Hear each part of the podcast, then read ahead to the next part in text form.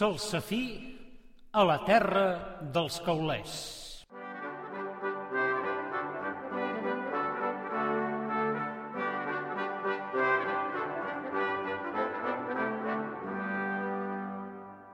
Havien passat els anys i Salsafí ja era un noi fet i dret i els seus pares li havien ensenyat tot el que ells sabien. Un bon dia, però, van caure malalts, tots dos, i el noi no sabia què fer ni com guarir-los. Era una malura estranya, perquè hi havia dies que es trobaven d'allò més bé, i tot seguit es podien passar tota una setmana al llit amb febres molt altes i dolor per tot el cos. Per això en Salsafí va decidir utilitzar les llavors. El pare, però, li va dir «Estimat fill, la nostra malura té un nom, bellesa, i serien malaguanyades les llavors que utilitzessis. Però si vols cercar un remei, vés a la terra dels caulers. Allí hi trobaràs bona gent que sap de malalties i remeis per ancians. En Salsafí era decidit i en un dir Jesús va preparar el serró i tot acomiadant-se dels pares es posà a caminar. Va caminar tot el dia i en fer-se fosc cercar un racó del bosc per dormir. En Salsafí intentava agafar el son, però hi havia massa soroll per tot. El vent, l'aigua i el refilet d'un rossinyol. De cop i volta, però, es va fer un silenci molt estrany. En Salsafí encengué un llumí i... Ai! va cridar. Un parell d'ullassos brillants el miraven fixament. Just en aquell moment, una serpota es va llançar damunt l'animaló que el mirava, entortolligant-se el seu cos. Quins crits que feia la pobra bestiola! El noi es revoltà i, agafant la serp pel canyó, va aconseguir desfer l'abraçada mortal. El reptil mostrava les seves dents verinoses i feia... Aleshores en Salsafí va agafar una de les seves llavors i li va ficar a la boca. Què me'n direu? Tot d'una, la serp va quedar rígida com un pal. L'animaló d'ulls espornejants, que era una fagina, somiquejava i tremolava de por. El noi l'embolcallà i la posà ben a prop seu per donar-li escalfor. Tot seguit es van adormir plegats. A l'endemà la fagina ja no hi era, senyal que s'havia refet de les ferides i que havia decidit tornar al seu cau. Però quan era a punt de reprendre el seu camí, va aparèixer tot fent saltirons i amb una branca de mores a la boca que la deixà amb molta cura als peus del noi. En Salsafí i la Fagina van seure l'un al costat de l'altre i llapolejaren els fruits amb molt de gust fins a no deixar-ne cap al branquilló. I bé, va dir en Salsafí, ja és hora de marxar. Encara em queda un bon tros de camí fins a arribar a la terra dels caulers. A reveure, Fagina. Ah, i vés alerta amb les serps. Aleshores va agafar el gaiato que abans havia estat una serpota i del qual ja mai més se'n separaria i va començar a caminar. La Fagina, però, el seguia. Ep, Fagina, que potser em vols acompanyar fins que sigui fora del bosc, va dir en Salsafí. Com et plagui, així em faràs companyia. Però la Fagina el va acompanyar no només fins al llindar del bosc, sinó també per camins i caminets fins a arribar a la terra dels caulers. Ja veig que no em vols deixar, va dir en Salsafí a la Fagina, però el cas és que tu i jo no ens entenem ja sé què faré. Aleshores va agafar una llavor i va dir Llavor, llavoreta, fes que entengui, fes que entengui la parla de la fagineta. I nyam, se la van passar. I heu de creure i pensar i pensar i creure que tan bon punt la llavor va baixar per la seva gargamella, va començar a entendre tot el que la fagina li deia. Déu meu, quina xerrera! En Salsafí prou que li deia que callés, però l'animaló no l'entenia i no s'aturava. Aleshores va agafar un altre llavor i li va dir «Llavor, llavoreta, fes que m'entengui, fes que m'entengui aquesta fagineta». i tot seguit li va posar la boca perquè se l'empassés. Ep, Fagina, Fagina, que m'entens quan parlo? li va dir en Salsafí. Quin ensurt que va tenir l'animaló! Li semblava que aquella veu venia de totes bandes i d'un salt. Es va amagar entre les cames d'en Salsafí. No t'espantis, que sóc jo. Ara tu m'entens a mi i jo t'entenc a tu. I xerra que xerraràs, van arribar al poblet de Vitraris. Tot just entrar-hi, un bonic rètol que deia «No hi ha res com ser la terra de Caulès». Els donava la benvinguda. Era un llogaret ben endreçat i la gent el saludava amb amabilitat. Tot eren cases menudes i no semblava que hi hagués cap fonda. Per això en Salsafí va demanar a un vianant on podrien trobar lloc per dormir. Dormir, dieu? Que no teniu cap parent al poble? va respondre el vilatà. Soc foraster, jo. Visc lluny d'aquí. Els pares estan malalts i m'han enviat per cercar un remeller que els pugui guarir. Doncs ja no hi ha remeiers aquí. Van fugir per culpa del vescomte i els pocs que s'hi van quedar els va tancar el castell. Ara cal anar al metge de Palau i pagar bons quartos si vols un remei.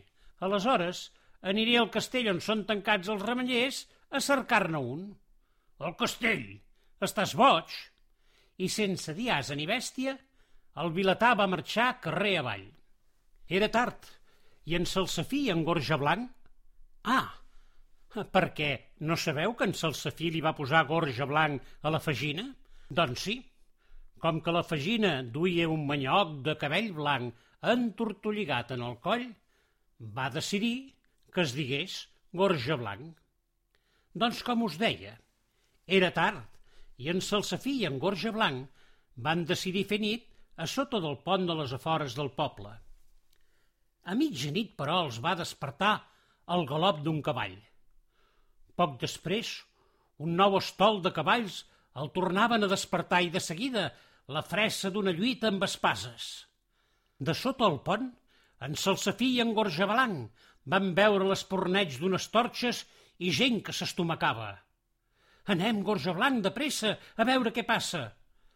En Gorja Blanc no les tenia totes i recordar la dita «Si no vols ser escaldat, no et fiquis on no ets cridat». I es va quedar quiet com un pal. En Salsafí, però, s'hi va acostar tant com va poder i va veure sis homes que semblaven soldats estomacant de valent a un de sol que es defensava com podia. El bailet no havia vist mai lluitar ningú, i menys encara d'aquella manera acarnissada, però li va semblar molt desigual la baralla, de manera que va agafar una de les seves llavors màgiques, la va plantar i tot seguit va dir «Llavor, llavoreta, creix i entortolliga'ls i fes-ho de presseta». Tan bon punt va dir les paraules, del terra va néixer una tija com aquella que temps ha havia sortit del test de casa seva i en un tres i no res va entortolligar els sis soldats tot enlairant-los i gronxant-los d'una banda a l'altra fins a deixar-los caure a les aigües del riu. Els soldats fugiren espaordits i la tija els va perseguir un bon tros, etzibant-los bones llepolies a tall de fuetades. Després es va arrapar a les parets del pont i va deixar de créixer. Mentre en Salsafí auxiliava aquell home que havia rebut per totes bandes, i tot ficant una llavor màgica dins la cantimplora, va guarir amb l'aigua els talls d'espasa i macadures d'aquell desconegut. La cura fou immediata, però l'home restava desmaiat, de manera que en Salsafí decidí posar-lo a la gropa del seu cavall i deixar que l'animal els guiés, convençut que sabria trobar el camí i dur-los a casa d'aquell misteriós personatge. El cavall els dugué fins al castell i en Salsafí va tostar la porta amb el seu gaiato. Qui es mou dins la nit? Va respondre una veu molt ronca. En Gorja Blanc i en Salsafí, que duem un home ferit. De cop i volta, la porta es va obrir i de dins del castell sortiren un grapat d'homes que d'una revolada s'endugueren el ferit. Tot seguit van tancar de nou les portes. Blam! De res, va dir en Salsafí. Ja són prou ben estranys els humans, digué en Gorja Blanc. Dius de res i ni tan sols t'han donat les gràcies? Sí que és estrany, perquè la mare sempre diu si reps ajut o favor, dona les gràcies amb amor. Però tot just deia això, L'espiell de la porta es va tornar a obrir. On aneu dins la nit? digui la veu ronca. A cercar gent agraïda. Ah, i gent que guareixi a qui pateix. Aleshores ja heu arribat. La porta de nou es va obrir i l'home de la veu ronca els portà a les cavallerisses. Allí els oferí palla fresca i un bon plat de mongetes de Santa Pau. Feia dies que en Salsafí no havia menjat i dormit tan a gust. No pas en Gorja Blanc, que va haver de suportar les conseqüències d'aquell plat de mongetes que s'havia menjat el noi. Ja ho diu la dita, qui menja mongetes i fesols, aviat les traurà al vol. A l'endemà, al pati del castell, era un brugit de gent que anava amunt i avall. Tots duien túniques fosques amb una creu vermella brodada al pit. Semblava que fessin els preparatius per marxar. Omplien els carros amb sacs de queviures, amb balums, cistells i tenalles. Ningú d'aquells homes no semblava sorprès per la presència del noi i la fagina. Ans al contrari, els saludaven amb una petita inclinació de cap i un somriure ample d'orella a orella. Era evident que, d'aquesta manera, demostraven la seva gratitud. A la llum del dia els dos amics van poder veure la cara de l'home de la veu ronca. Tenia els ulls blaus i tendres i una barba canosa. Bon dia tingueu, va dir tot oferint-los un bon tassó de llet de cabra i una llesca de pa amb formatge i una topina de mel per untar. El nostre mestre prió us espera. Renteu-vos a l'abeurador, esmorzeu tot el que vulgueu i en acabat us portaré davant d'ell. Un cop ben esmorzats, els portaren a una petita estança on un vell canós els va rebre allitat. Al seu costat hi havien uns homes amb túniques blanques, capots i espases a la cintura. Un d'ells, el lloctinent, va parlar en nom de tots. Heu de saber, amics, que ahir vàreu salvar el nostre mestre prior. Fa temps la nostra ordre dels templers fou foragitada i perseguida. Nosaltres som els darrers i durant molts anys ens hem refugiat en aquest castell. Vàrem transmetre als remeiers de la contrada els secrets de la medicina d'altres terres. Per això la seva fama s'ha estès per arreu. Malauradament, fa un temps el vescomte ens va reclamar la propietat del castell i ordenar tancar totes les cases de guariment i hostatgeries, per tal de fer-se amb el negoci.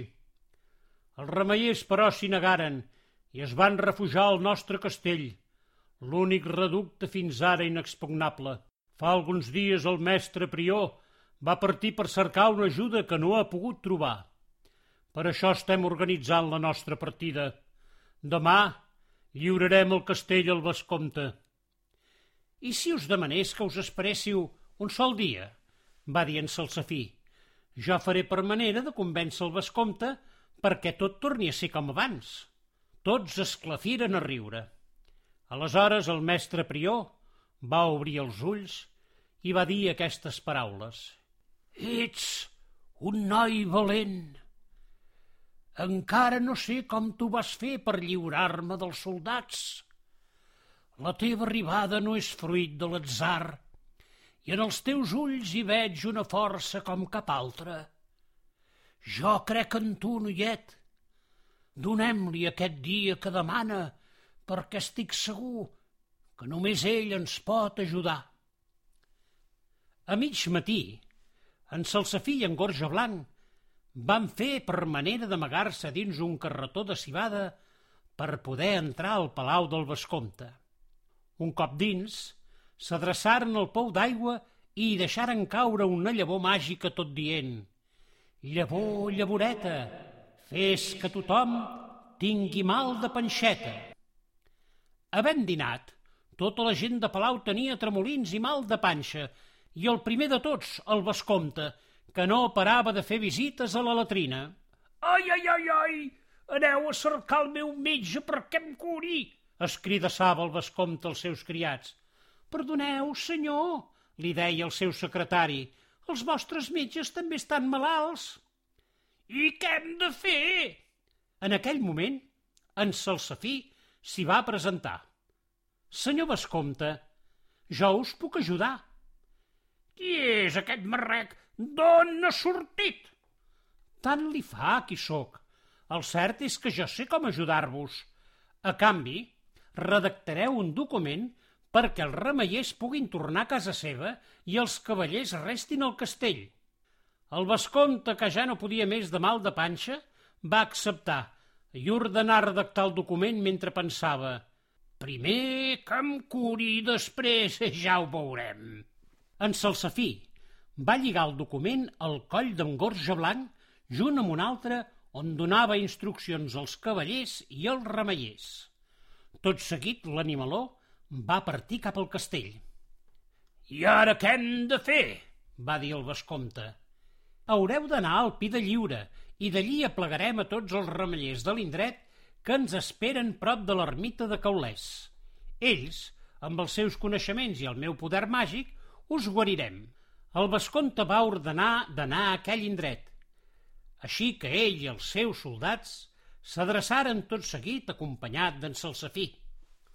Un cop allí, en Salsafí va ordenar que deixessin el vescomte una bona estona sols. Alguns dels remeiers s'havien amagat prop de l'indret, tots seguint les ordres que el noi els havia enviat amb engorja blanc, i feren udols i crits esgarrifosos. El pobre vescomte es va posar a plorar com una magdalena i es va desmaiar. Aleshores el portaren al peu de les Finys, una roca que, segons alguns, se li atribueixen poders màgics, i els remeiers feren gestos estrafolaris i emeteren sons inintel·ligibles per tal d'impressionar aquell senyoràs que tot just es va despertar. En acabat, li donaren a veure l'aigua de la cantimplora d'en Salsafí i tot d'una es va guarir. Podeu comptar l'alegria del vescomte que, lluny d'agrair el guariment, va començar a escridassar els remeiers amenaçant-los de ficar-los dins les masmorres de Palau si no es posaven tots seguit al seu servei. I el document que vareu signar, senyor? va dir en Salsafí. Paper mullat! Jo sóc el vescomte d'aquestes terres i vosaltres els meus vassalls. Haureu de fer el que jo us mani. Aleshores tindreu el que us mereixeu, va afegir en Salsafí.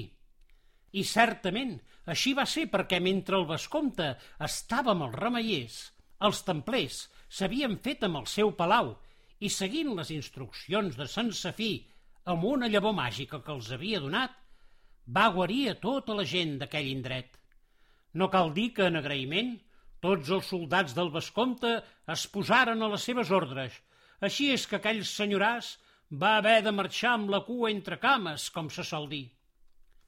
Pocs dies després, el mestre prior ja era refet del tot i resol de marxar. Com? Ara que tot és al seu lloc, voleu marxar? va dir en Salsafí. Ens ha arribat l'hora, amic. El nostre temps ha passat. Ara és el teu temps. Amb el teu enginy i el teu do i la teva bondat has demostrat que les desavinences es poden arreglar sense haver de menester les armes.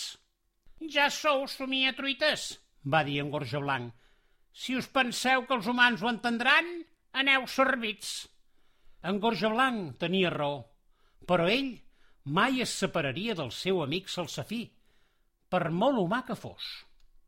Salsafí i en Gorja Blanc també van tornar a casa amb un remei pels seus pares, però aquests ja no hi eren. Mentre ell era la terra de Caulès, havien anat al salt d'aigua de la dona de l'aigua, on temps ha, una donzella misteriosa havia salvat en Salsafí de morir ofegat. I allí mateix van aclocar els ulls per sempre més.